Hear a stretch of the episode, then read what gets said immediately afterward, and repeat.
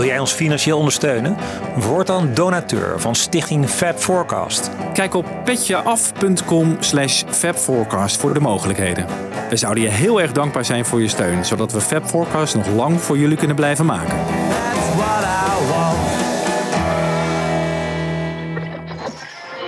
Ladies and gentlemen, The Fab Four. Fab Four. Fab Four. George, Ringo. Fab Four. We have for you the Fab Four. The Fab Four! Fab Forecast. I would like to ask you to read us the Dutch top 10 first before we start the interview. Could you do that? I certainly will. Here we go. Dutch top 10. George Harrison, number one, with. Oh, sorry, no. George Michael, father figure. Number 9. Do you know anything of, out of these top 10? Do you know the artist? I know George Michael. Uh, I met him, and I don't know anybody else, though. Op eerste kerstdag 2016 overlijdt een van de meest geliefde stemmen uit de popmuziek. In the last hour, the death has been announced of the singer George Michael. Een triest einde van een leven dat werd getekend door verlies en een zoektocht naar onvoorwaardelijke liefde. I wanted to be a star and I wanted people to love me, Maar wie was George Michael nou echt? but I never wanted to be someone else. De laatste dagen van George Michael is een podcast van NPO Luister en Avro Tros. One, two. Fab Forecast. Ja, beste Fab Forecasters. Goedemorgen, goedemiddag, goedenavond of goedenacht. Dit is een hele bijzondere locatie waar wij momenteel staan. Want we zijn namelijk in Henley on Thames. En wij, dat zijn Michiel. Anne, en Wibo. Henley on Thames, eh, de kenners kennen het vast als de locatie van eh Friar Park. Dat is het eh, huis eh, waar George Harrison eh, vanaf januari 1970 woonde tot eh, ja, aan zijn dood eigenlijk. Hè? Een gigantisch complex. We hebben het opgezocht hoeveel hectare. Het is 25 hectare. Komt neer op ongeveer 35 voetbalvelden. ongelooflijk. Ja, dus nou ja, wij staan voor de poort. Beschrijf het eens jongens. We zien een klein huisje. Of klein huisje. Best wel Klein groot. huisje, je zou Leuk wensen dat je zo'n huis had, eh, Wibo. Een leuk tuinhuisje. ja, voor de, ja, denk ik, mannen die de tuin hier onderhouden. Een beetje de poortwachterswoning, hè, die we Ja. dus wel kunnen zien van achter de hekken hier. Ja, Het is ook een hele bekende plek die we denk ik ook wel kennen uit veel documentaires en filmbeelden. Dat George hier aankomt. En, Ja. eh, ja, Eh, ja. zeker. Het is ontworpen door die eh, ja, excentrieke advocaat destijds. Hè, in 1889 geloof ik, Frankie Crisp. Ja, die heeft echt allerlei tierenlantijnen hier eh, lopen bouwen. We gaan eh, pal voor de camera staan. Ja? Zodat we gewoon goed in beeld zijn. Dat we op enig Ja. moment de Olivia. Ja. ons Ja. gaat spotten. En gaat denken van, hé, hey, wat is er aan de hand? Ja, Ja. Mis ik daar een podcast? Kom even binnen. kom even Kom binnen. even binnen. En Of dan mag moeten ik we nog- meedoen? En dan moeten we nog een hele lange oprit. Ja. Misschien wel een kilometer of zo. Naar het huis. Ja, want dat is wel leuk om even uit te leggen. Als je hier voor het hek staat, dan zie je eigenlijk nog steeds niks. En dat, Nee, dat alleen huis dat is, huis, dat poortwachtershuisje. Ja, maar dat grote kasteel eigenlijk van George, dat is in geen velden of wegen te Nee. bekennen hier. eh. Nee. Nee. Je schijnt omheen te kunnen lopen. Maar dat is dan weer zo'n enorme eh, ja, eh, wandeling. Dat is wat kilometers lang. Een Ja. hoge en dan kijk je waarschijnlijk nog steeds tegen hoge muren aan. Dus we dachten, dat gaan we onszelf besparen. Mhm. We gaan, het- we gaan het gewoon doen met de plaatjes in ons hoofd. Ja. En eh, wat staat er verder, jongens? Private, no admission. To, To- unauthorized persons. Ja, Ja. jij ziet het beter. En een bordje Friar Park. En we staan naast een bordje met no parking, waiting, no drop-off of pick-up. Maar jij zei net, Michiel, er Ja, staat is dat- niet no podcasting. Nee, dus dus dat we zijn hier gewoon. aan het Dat podcasten. gaan we gewoon lekker even Ja. doen. Want ja, waarom zijn wij met z'n drietjes hier in eh, Henley on Thames? Wij komen namelijk net uit Goring on Thames vandaan. Dat is een dorp hier op ongeveer een half uur rijden. En we waren daar omdat het... eh, ja, wij zijn bezig met een podcast de laatste dagen van George Michael. Die op het moment van het verschijnen van deze podcast eh, te beluisteren is. Hè, via Spotify, Apple, NPO Luister. Echt allerlei podcastplatforms.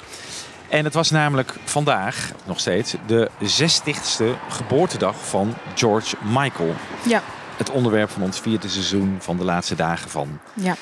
En eh, ja, dat was een eh, mooie belevenis vandaag. ja, we wilden juist vandaag ook in Goring on Thames zijn, omdat we wisten dat daar heel veel George Michael fans van over de hele wereld bijeenkomen. Zoals ze elk jaar op deze datum doen. Ja.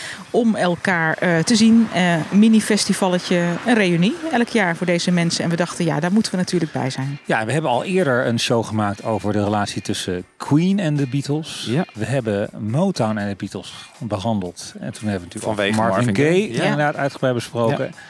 En toen hadden we natuurlijk de voor de hand liggende vraag van... zou je over George Michael ook een show kunnen maken? En dat bleek gewoon te kunnen. Waar beginnen we? Waar beginnen we? We 25 beginnen met de geboortedag. Ja, 25 juni 1963 was een dinsdag. En eh, ja, hij is eh, de zoon van ene Leslie Harrison. Ja, zo heette de moeder van eh, Ja. George Michael. Ja, die heette Harrison van de achternaam. Dus toen zei jij, Anne, van ja, stel nou dat hij... eh, Zijn moeders naam had aangenomen. Dan had hij dus George Harrison geheten. Dat vonden wij heel grappig. ja. Ja, het is ook wel even leuk om te zeggen wat de echte naam van George Michael was. Kun jij die even in mooi Grieks uitspreken, Wiebo? Oh, als ik hem uit mijn hoofd weet. Georgos Kyriakos Panayotou. Ja, kan ermee door. Zoiets, Ja, toch? ja. My name is George Michael. My real name is Yorgos Kyriago Panayotou. Dus je begrijpt natuurlijk waarom het uiteindelijk een artiestennaam werd, hè? George Michael. Iets makkelijker uit te spreken. Ja, ja. inderdaad. En dan is het altijd leuk om te kijken van nou, 25 juni 1963. Wat zouden de Beatles hebben gedaan? Ja, dat hebben we even opgezocht. Die traden op in Middlesbrough. En die dag was er een uitzending van Pop Go The Beatles. Mhm. Opgenomen op 17 juni, maar dus uitgezonden op die 25 juni 1963. Dus als Leslie Harrison toen nou, tijdens de bevalling misschien wel de radio had aangezet, had ze dit kunnen horen.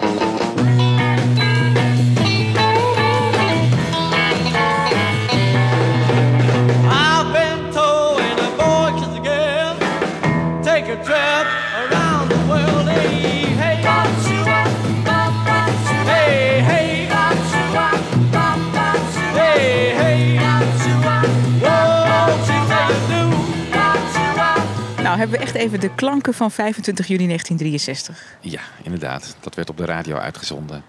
En eh, Boys natuurlijk, gezongen door Ringo. Nou, hoe eh, begon dat een beetje? Het muzikale avontuur van George Michael. Hij ontmoette Andrew Ridgely op school. Zij begonnen een bandje. eh, dat werd eerst de Executive. En daarna werd dat Wham. En ja, duo natuurlijk. Hè? eh, George Michael en Andrew Ridgely. Was dat een beetje Lennon McCartney, eh, Michiel? Of, eh, Ik denk dat als dat zo was, dat de luisteraars dat echt wel zouden weten. Maar het tegenovergestelde is het geval. Want je ziet eigenlijk dat het talent van George Michael zo gigantisch veel groter was dan dat van Andrew Ridgely. Ja. Ondertussen wil ik ook niet te makkelijk daarover denken van Andrew was van geen betekenis. Want dat was hij absoluut wel in Wham. Op een andere grote manier? Ja. Maar op een heel andere manier dan, dan de muzikale impact eigenlijk. eh, wat we natuurlijk bij Lennon McCartney wel hebben gezien. Dus die vergelijking gaat echt totaal niet op. Maar het was wel zo dat George Michael echt een maatje nodig had. Ook in die Ja. beginjaren om samen die band te starten. Ze hebben natuurlijk dezelfde problemen gehad om een platencontract te vinden. Om eh, een voet tussen de deur te krijgen bij eh, platenmaatschappijen. Om die eerste single maar uit te krijgen. ja, die vergelijking gaat wel een beetje op. Ja. Het harde werken op, Mm, op weg Dat naar succes. Absoluut, ja. En een eerste platencontract afsluiten dat misschien niet helemaal gunstig voor jezelf is. Hè. Dat Ja. hebben de Beatles natuurlijk meegemaakt, maar dat is, geldt zeker ook wel voor Wham. Maar ik denk dat binnen die artistieke relatie eh, al heel snel duidelijk is dat George Michael eh, de lakens uitdeelt. Ja. En hij degene is die de, die de hits schrijft. En op een gegeven moment ook echt tegen Andrew Ridgely zegt van...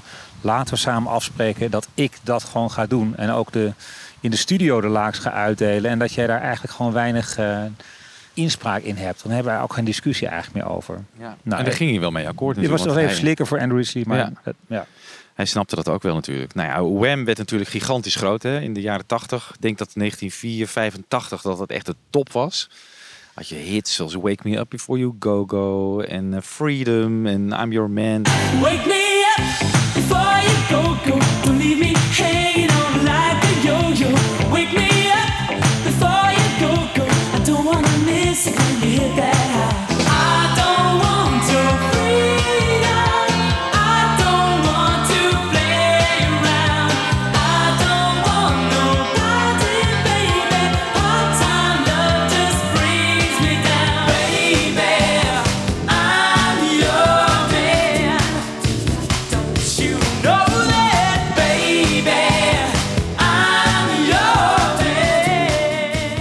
hebben het veel gedraaid in de auto. Wat ons eigenlijk opviel was vooral de relatie met Motown. Hè? Ja, zeker. Het is Ja. gewoon een Motown sound. De Ja. beat in die nummers. dat heeft George Martin ook wel laten toegegeven. Dat dat echt een hele belangrijke inspiratiebron was. Het is eigenlijk de Motown in een jaren 80 jasje, zou je kunnen Ja. zeggen. Ja, de Beatles waren natuurlijk ook wel beïnvloed door Motown, maar natuurlijk wel minder dan eh, dat Wham dat was. En je had natuurlijk die hele Wham-mania werd het op een gegeven moment. Hè. Dus ze waren zo populair. Ja. En eh, ja, de pers noemde dat op een gegeven moment Wham-mania, na Beatlemania eigenlijk. Ja, vergelijkbare taferelen. Ja, Ja, ja. ja. echt gekte. Ik denk dat het na de Beatles niet meer zo erg was gebeurd als toen het weer met Wham aan de hand Nee. was. Het Engelse Nee, gebied. want je had in die ja. tijd natuurlijk ook de andere grote bands van die tijd. Duran Duran, Spandau Ballet, moet je dan aan denken. Maar dat was toch niet de, de, de taferelen van eh, schreeuwende meiden en het hele stadion van Wembley uitverkocht. Dat hebben volgens mij eh, die andere bands nooit gedaan en dat Nee. lukte Wham wel. Ja, zeker. En ze hadden natuurlijk veel meer hits in Amerika. En dat is ook wel weer interessant. De blik was niet alleen gericht op Engeland, maar net als bij de Beatles toen het in Engeland goed Ja. ging. Meteen Amerika en in Amerika succesvol. Zeker. Wake Me Up Before You Go Go werd een nummer 1 hit. Ja. Careless Whisper werd een nummer 1 hit. Ja, dat, eh, dat ging echt goed daar inderdaad. Maar op een gegeven moment ja, splitste Wem toch... eh, hè, want eh, eh, George Michael eigenlijk verder. Die wilde een solo carrière najagen. Want ja, waarom komt die split? Anne, kun je dat een beetje onder woorden brengen? Nou ja, ik denk dat George Michael wel voelde, en misschien de hele band wel, dat hij groter was dan Wham. Dat, dat hij verder wilde, denk ik. En dat hij Ja. meer artistieke vrijheid nodig had. En Ja. volgens mij was dat ook geen taboe hè, binnen die band. Dat werd al wel besproken van het wordt tijd om te stoppen op deze manier. En het is ook wel weer interessant om even te memoreren dat het bij George Michael, als het op een gegeven moment zo goed gaat met Wham, dat hij ook een beetje toch sterallures begint te krijgen. Ja. Bijvoorbeeld journalisten eindeloos laat wachten om een keer eh, aan de beurt te komen, eh afspraken af gaat zeggen. Eh, hij krijgt op een gegeven moment een beetje die reputatie. En interessant is dat het ook doordringt tot George Martin, de bekende Beatles producer natuurlijk. En die zegt op een gegeven moment, en dat is wel een interessant eh, citaat wat we lazen in een van de biografieën die we hebben gelezen ter voorbereiding van de podcast. En hij zegt hij het volgende. Dan heb het even over George Martin dus. Die zegt, his songwriting talent is phenomenal, on a par with McCartney's, remarked Martin in the Daily Mail. But I'm scared for him. He's had his success too soon. He hasn't really had to slog for it. Success has gone to his head, and that superstar attitude can prove very dangerous in the long run.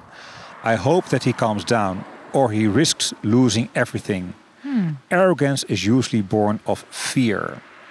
Dat is echt voor een, een gentleman als George Martin best een hele eh, stevige uitspraak. Hè? Absoluut. Ja, ja. Interessant inderdaad, die ook hier zegt van eh eh, his songwriting talent is on par with McCartney's. Dat is daar daar, een daar groot hebben we het even compliment. over. En dat was Ja. Elton John, een artiest die George Michael ook erg beïnvloedde. Die zei dat ook. Hè? We hebben eigenlijk hier met iemand te maken van dat songschrijftalent Ja. van McCartney. Probably for me one of the best songwriters I've heard out of Britain for a long, long time. You can tell a great songwriter. I, on stage, I compared him to Barry Gibb, Paul McCartney, John Lennon, people like that. Um, he, he has got what Bernie and I would have loved to had when we were 21, 22. Vinden jullie het ook? Zien jullie dat ook? In die liedjes of op dat wel punt, het gevoel zeg maar? om hits eh, te schrijven, Ja. denk ik. Ja. Dat had hij wel heel erg. Hij heeft het een paar jaar in de jaren 80 toch wel gehad, een jaar of Ja. zes, zeven. Dat hij dat echt met gemak uit zijn mouw schudde. Ja, zeker Ja. ook met eh, zijn eerste soloplaat, hè, Fate. Dat was natuurlijk ook echt, het stond boordevol met, eh, met hits. Volgens mij heeft hij, eh, hoeveel nummer 1 heeft dat wel niet opgeleverd? In ieder geval drie of zo. Ja, nou, Van meer alleen dat album? Ja, Ja. ja. Dus hij wist heel goed hoe die liedjes met haakjes, goede refreintjes, goede intro's. Ja, dat wist, weet McCartney ook. Ja, zeker. Wat dat betreft is dat wel een mooie eh, vergelijking. Nou, we zeiden het al even, hij gaat dan eh, solo met Fate en zo. Daar komt ook die quote van eh, George Harrison, die we aan het begin van de uitzending van draaide. Dat was in 1988 toen hij bij Countdown zat. En zegt dus dat ze elkaar hebben ontmoet. Als je googelt op George Michael en George Harrison, dan vind je ook een foto van die twee samen. Volgens mij is dat, zal wel van die ontmoeting zijn, want het is wel Ja. een beetje dat tijdperk. Dit is Gewoon rond de tijd van Fate, Fate, ja. hè? 7, 88, 88. ja. Ja, En dus zat George Harrison het album ehm Cloud, Cloud Nine Nine. uit. Ja, Ja, dus beide waren ze in de spotlights een beetje in, die, Ja. in dat jaar. En Traveling, ja. precies. Traveling Wilburys kwam daarna nog. Ja, inderdaad. Maar dan krijg je daarna eh, ja, een, een omslag eigenlijk bij eh, George Michael. Hè. Die wil niet meer dat icoon zijn, dat pop-idool met die stoere leren jackies en die zonnebril en, eh, en die stoppelbaard. Nou, die houdt hij dan nog wel even. Maar hij wil gewoon meer serieus worden genomen voor zijn muziek.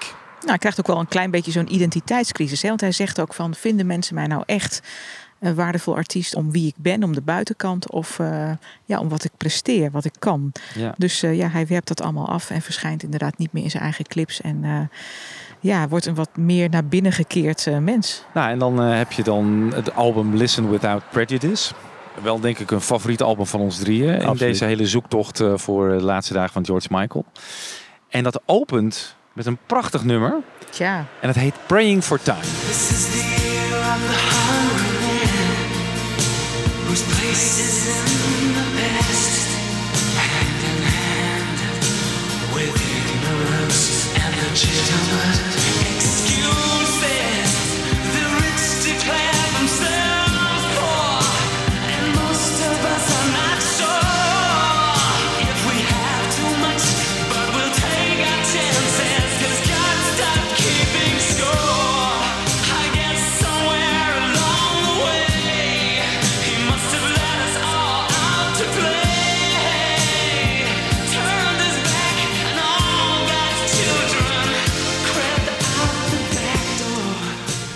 Als je dit hoort, dan ja, ik denk dan aan eh, Mind Games van John Precies, Lennon of zo. ja, dat brede, denken. machtige, Dat eh, van- muzikaal gezien. Ja. Ja. En textueel denk ik ook aan John Lennon. eh, ja, omdat het gewoon heel ja, maatschappijkritisch is Ja. en de dingen gewoon bij de naam noemt.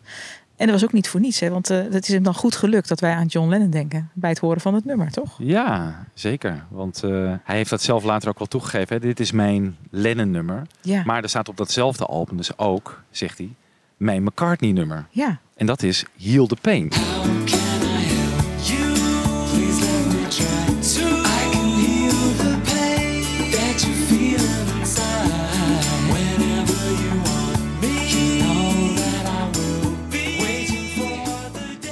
En dat is wel weer bijzonder dat hij dat jaren later, volgens mij rond 2005, in Air Studios, de studio's die door George Martin zijn eh, opgericht, dat hij daar met zijn grote held en inspiratiebron voor dat nummer, Heal the Pain, Paul McCartney, neemt hij dat als duet op. Ook erg mooi.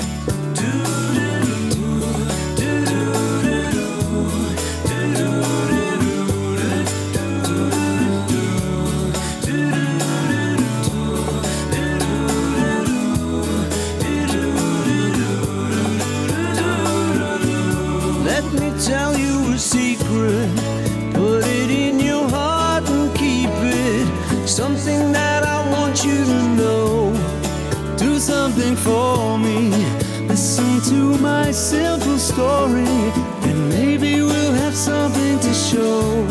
You tell me you're cold on the inside. How can the outside world be a place that your heart can embrace? Be good to yourself, cause nobody else has the power to make you happy. How can I help you? Please let me try to.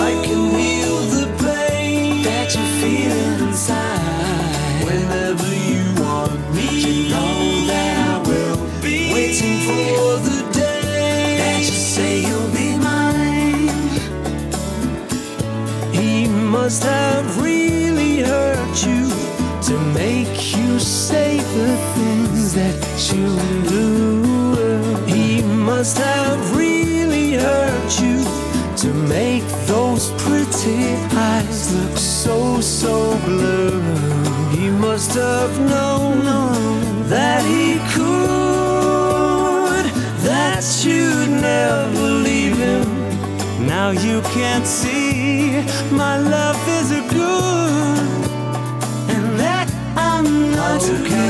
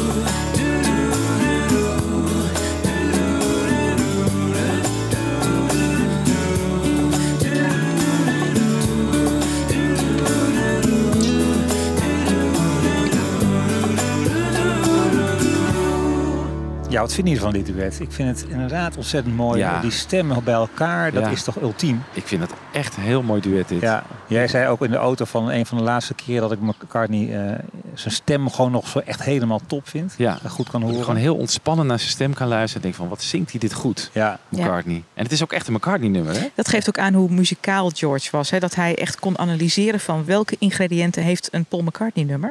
Ja. En dat is met name natuurlijk die, eh, dat refrein hè? met eh, die wending omhoog. Dat is Ja. typisch McCartney. How can I help you? Ja, mooi. Bibo. Ja, ja, ja. Hij zei ook geloof ik ook bij de, de opnames van het album dat hij zelf heel erg twee Beatles albums aan het luisteren was. Hè? eh, George Michael. Waardoor hij een beetje ook aangezet werd om die odes aan Lennon en McCartney te Dat brengen. was eh, Revolver en Abbey Road. Was Ja. hij toen heel erg aan het luisteren. Ja. Nou ja. ja, mooi. Dus eh, tip, Listen Without Prejudice. Ga hem eens luisteren. Echt heel mooi. Als je Ehm, hem al niet kent. Als je hem al niet kent. Maar inderdaad. inderdaad, de verhalen uit de studio zijn ook wel interessant. Hè. Hij is gewoon iemand die jarenlang, want hij was een groot muziekfan. En dat had hij ook echt gemeenschappelijk met Andrew Ridgely. Samen zaten ze eindeloos platen van Elton John, van Billy Joel en die eindeloze Motown platen te analyseren. Ja. Dus dat is gewoon enorm tussen die oren gaan zitten. Ja, en Queen in ook, de studio weet je op een gegeven moment, Queen inderdaad ook, Ja. weet hij gewoon eigenlijk die sound te reproduceren. En ook de structuren van liedjes. Dat zit gewoon, eigenlijk is dat zijn opvoeding. Zijn Hij muzikale kende zijn eh, geweest. klassiekers, kunnen we wel zeggen. Ja. Ja. Want hij speelde eigenlijk niet echt een instrument eh, zoals McCartney en Lennon dat wel konden en George. Hij was een generalist. Hè? Een Ja, beetje. hij was geen virtuose ergens op. Als zanger natuurlijk was dat was zijn grote kracht. Ja. En nog even om bij John eh, te blijven. Er is ook iets met de Imagine piano aan de hand. Ja, want die, eh, dat is zeg maar de staande piano. Hij heeft het over die bruine piano. Daar heeft George Michael op een veiling op geboden. En eh, die is in zijn bezit gekomen. Hoeveel heeft hij ervoor betaald? Dat weet ik niet. Weet Ik heb het hier staan. 1,45 miljoen pond. Dat is een mooi bedrag. Ja. En hij is niet zelf gaan bieden hè, op die veiling, want zijn favoriete Engelse soapserie was op. Ja. Dus hij zei tegen een assistent: Ga jij even proberen die piano? Oh, eh, echt? En waar ik dus wel benieuwd naar ben. Want het schijnt dat de, de broertjes Gallagher ook eh, heel graag Ja. die piano wilden hebben. Of die dan wel in die zaal zaten. Dat Ja. zou leuk zijn, hè? En, En Rob- overtroefd Robbie werden. Williams zat er Robbie ook. Williams zat daar ook. Ongelooflijk, dus je ziet al zitten op Ja. rij Ja. 1. Ja. En George Michael zit gewoon Daar Ik wil dat ding hebben. En, eh, Maar het was niet voor de heb, hè, want hij had er eigenlijk een hele mooie, nobele gedachte mee hè, met die piano. eh. want hij zag die piano als een symbool voor vrede. Natuurlijk heel mooi, hè? het nummer Imagine is erop gecomponeerd. Ebony en Ivory, hè? Ja, en eh, ja, ook een beetje. Ja. En hij heeft die piano ehm, de wereld rondgestuurd. Hè, naar allerlei plekken die ook te maken hadden met oorlog en vrede. Dat mensen die piano moesten kunnen bezichtigen. Ja. En heeft hem later ook uitgeleend aan eh, de Strawberry Fields ja, daar staat hij volgens mij op dit moment. Foundation. Ja, daar staat hij nog steeds. In ja. juni eh, Ja. 2023 nemen we dit nu op, maar daar staat hij volgens mij nu. Ja. En je hebt ook foto's van Julia Baird, dus die halfzus van John, die met die piano ook op de foto Oh, dus staat. hij heeft hem niet Ja. zelf uitgeleend, maar zijn erven hebben nu ervoor Ja. gezorgd dat hij Ja, in dat is die gedachte die geleden. Anne net schetst nog steeds wordt uitgeleend Ja. Aan allerlei plekken. Heel mooi vind ik Ja. dat. Ja. Ja. En hij heeft hem ook zelf gebruikt. Hij heeft er zelf ook nummers op gecomponeerd. En hij is te horen, die piano, op het nummer Patience uit 2004. It's like a conversation where no one stops to breathe. Is it my imagination? Or did God already leave the table? Such destruction and pure white castles in the sand. No time for introduction. With all that money changing hands. Ja, dat is dus de piano van John. Die je Ja, daar hoort. nooit geweten. Hè? Nee. Dat, dat, achter dat soort dingen kom je dus bij het maken van, eh, van zo'n podcast. Ja.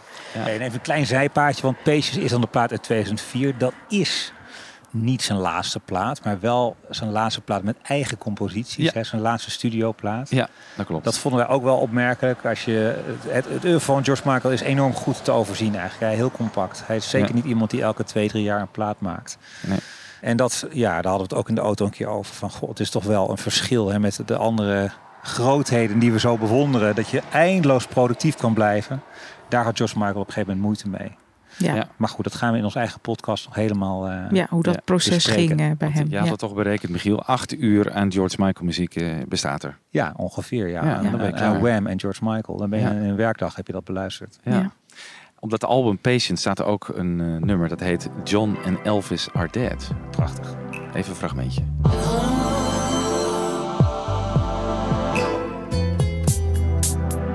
But the words that made me cry, the thing he softly said, it stayed with me. It keeps messing with my head.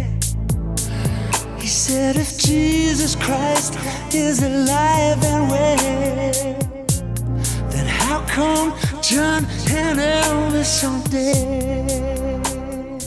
Ja, dan om even weer terug te komen op eh, de relatie eh, Paul en George Michael. Want die is wel het meest intensief van alle vier Beatles. Hè? Van Ja. Ringo hebben we eigenlijk niks kunnen vinden. Nee. In relatie met, eh, met George Michael. En dat ja, begint eigenlijk een beetje bij het Concert voor Linda op 10 april 1999. Linda is dan een jaar eh, dood. En er komt een eh, ja, memorial concert in de Royal Albert Hall in Londen. En daar staat George Michael eh, op de plank. En die doet twee nummers. Eleanor Rigby en The Long and Winding Road. Nou, The Long and Winding Road is een fantastische versie. Oh, hè? ja. Daar wilden wij eigenlijk deze aflevering straks even mee afsluiten. Maar laten we nu even luisteren naar Eleanor Rigby door George Michael.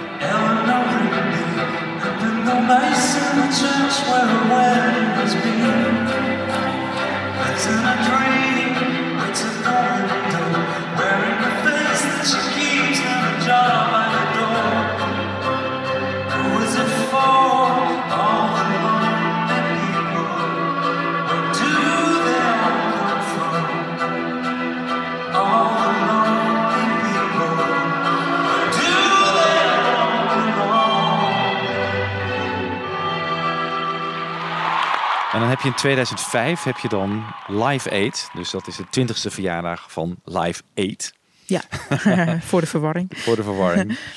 Daar eh, treedt McCartney natuurlijk op. Dat eh, hebben jullie vast wel gezien destijds.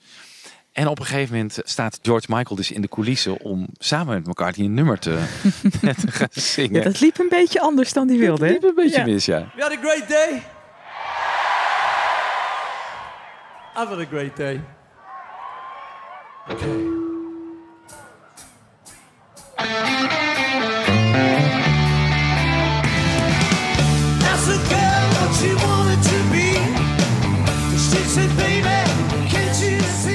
Ja, wat hier dus gebeurt is dat McCartney gewoon vergeet om George Michael aan te kondigen. En George Michael is not amused backstage. Dus hij moest eigenlijk op een gegeven moment rennen voor zijn leven, terwijl het intro al klonk. En, Ja, ja, eh, zeker. En Je ziet- inzetten. Je ziet hem op een gegeven moment ook gewoon het podium oprennen van... oh ja, ik ga ook nog even meezingen.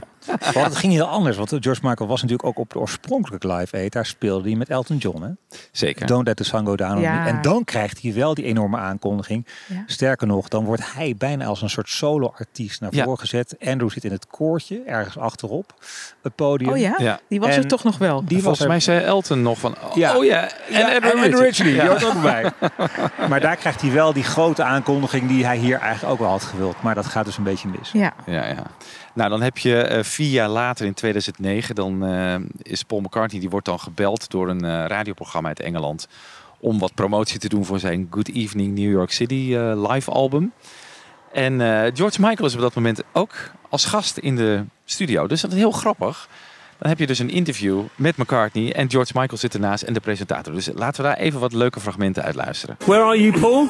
In Cologne. Oh, you're in Cologne. Well, where's- it's snowing here. You're missing the snow. Yeah, I know. I heard that. Yeah, well, I'm I'm only doing two gigs. I'll be back, so ask you to keep going, please. Now listen, um, if, if if George was around, you know, in the Beatles e- era, would you have had him in the band? Would he have fulfilled a role of some sort?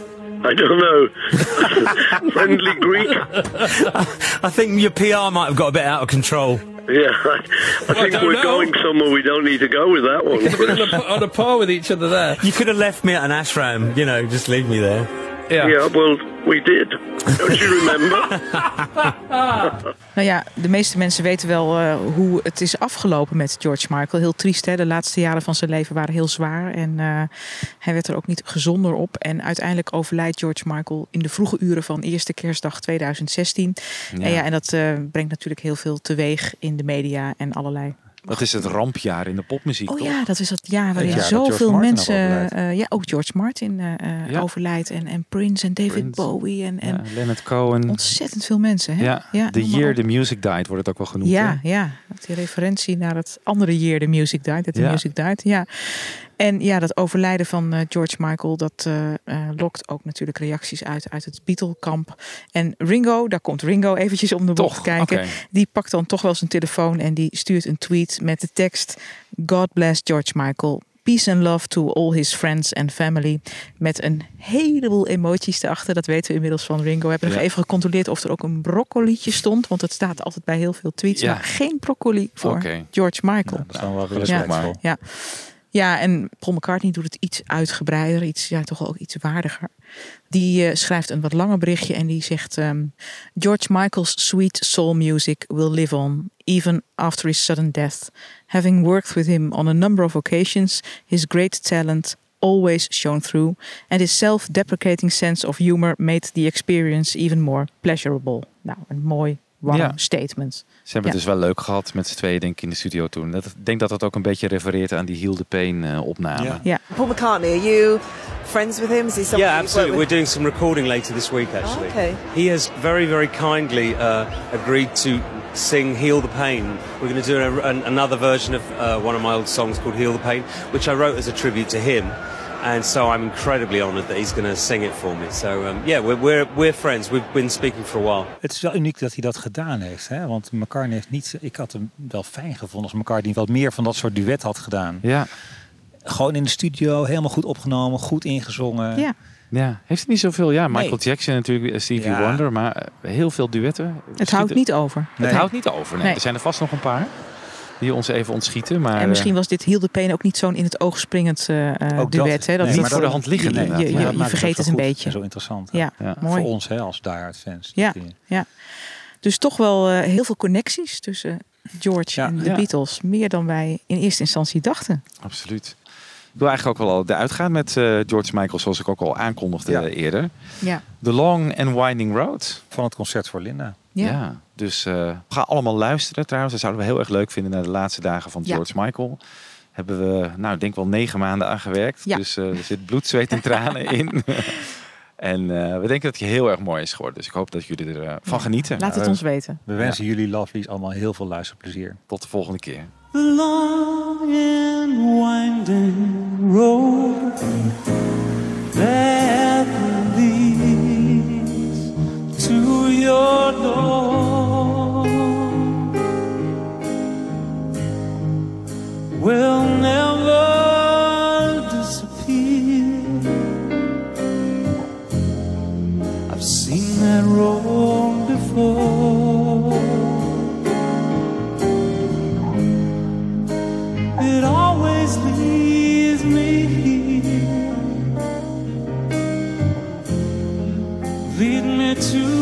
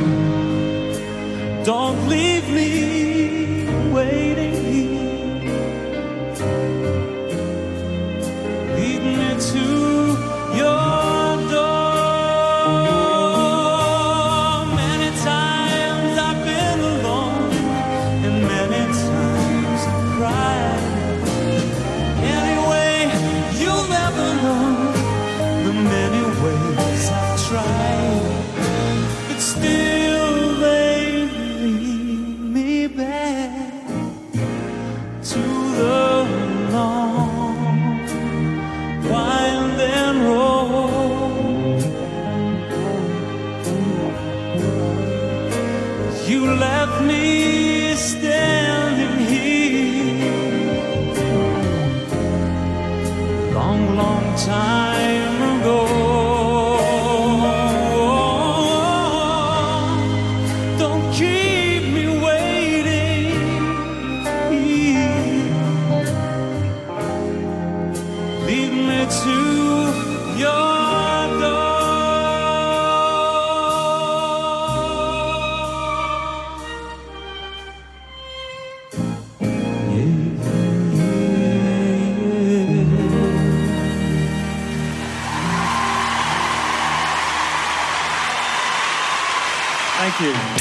Forecast. Geniet je van Fab Forecast? Laat dan een fijne review achter in iTunes. En geef ons meteen even lekker veel sterretjes. Dat helpt andere luisteraars weer om ons te vinden. Heb je vragen? Mail dan naar fabforecast.gmail.com of kijk op onze pagina's op Facebook en Twitter. En de afleveringen van Fab Forecast zijn ook te beluisteren via beatlesfanclub.nl.